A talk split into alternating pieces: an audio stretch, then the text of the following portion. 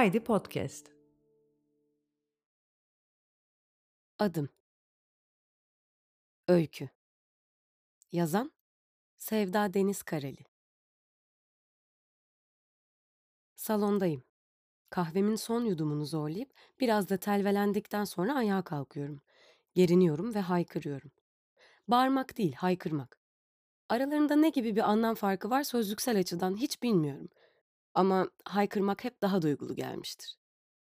Ben de hep daha duygulu olduğumu düşünmüşümdür.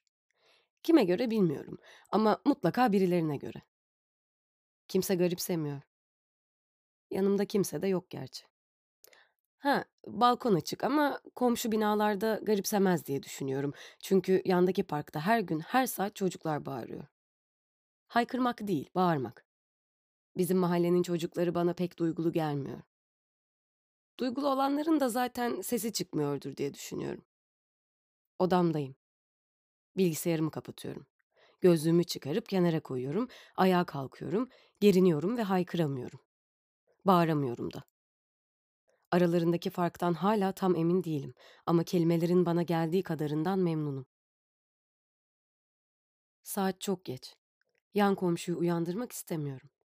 Ağzımı yırtılmasını göze alır gibi gayretle açıyorum. Karşımdaki aynada görüyorum kendimi. Ne kadar çirkinim. Ağzımın kenarları nane soğuğuna maruz kalmış gibi yanıyor. Gözlerim kasılıyor. Boğuk bir nefes kusuyorum. Hayatta yaşamak istemediğim çok şey var. Yaşamak istediklerimin hatırına hepsine hazırlanıyorum. Önce haykırmakla başlıyorum. Sonra belki ağlarım. Balkonda ağlayabilirim mesela diye düşünüyorum.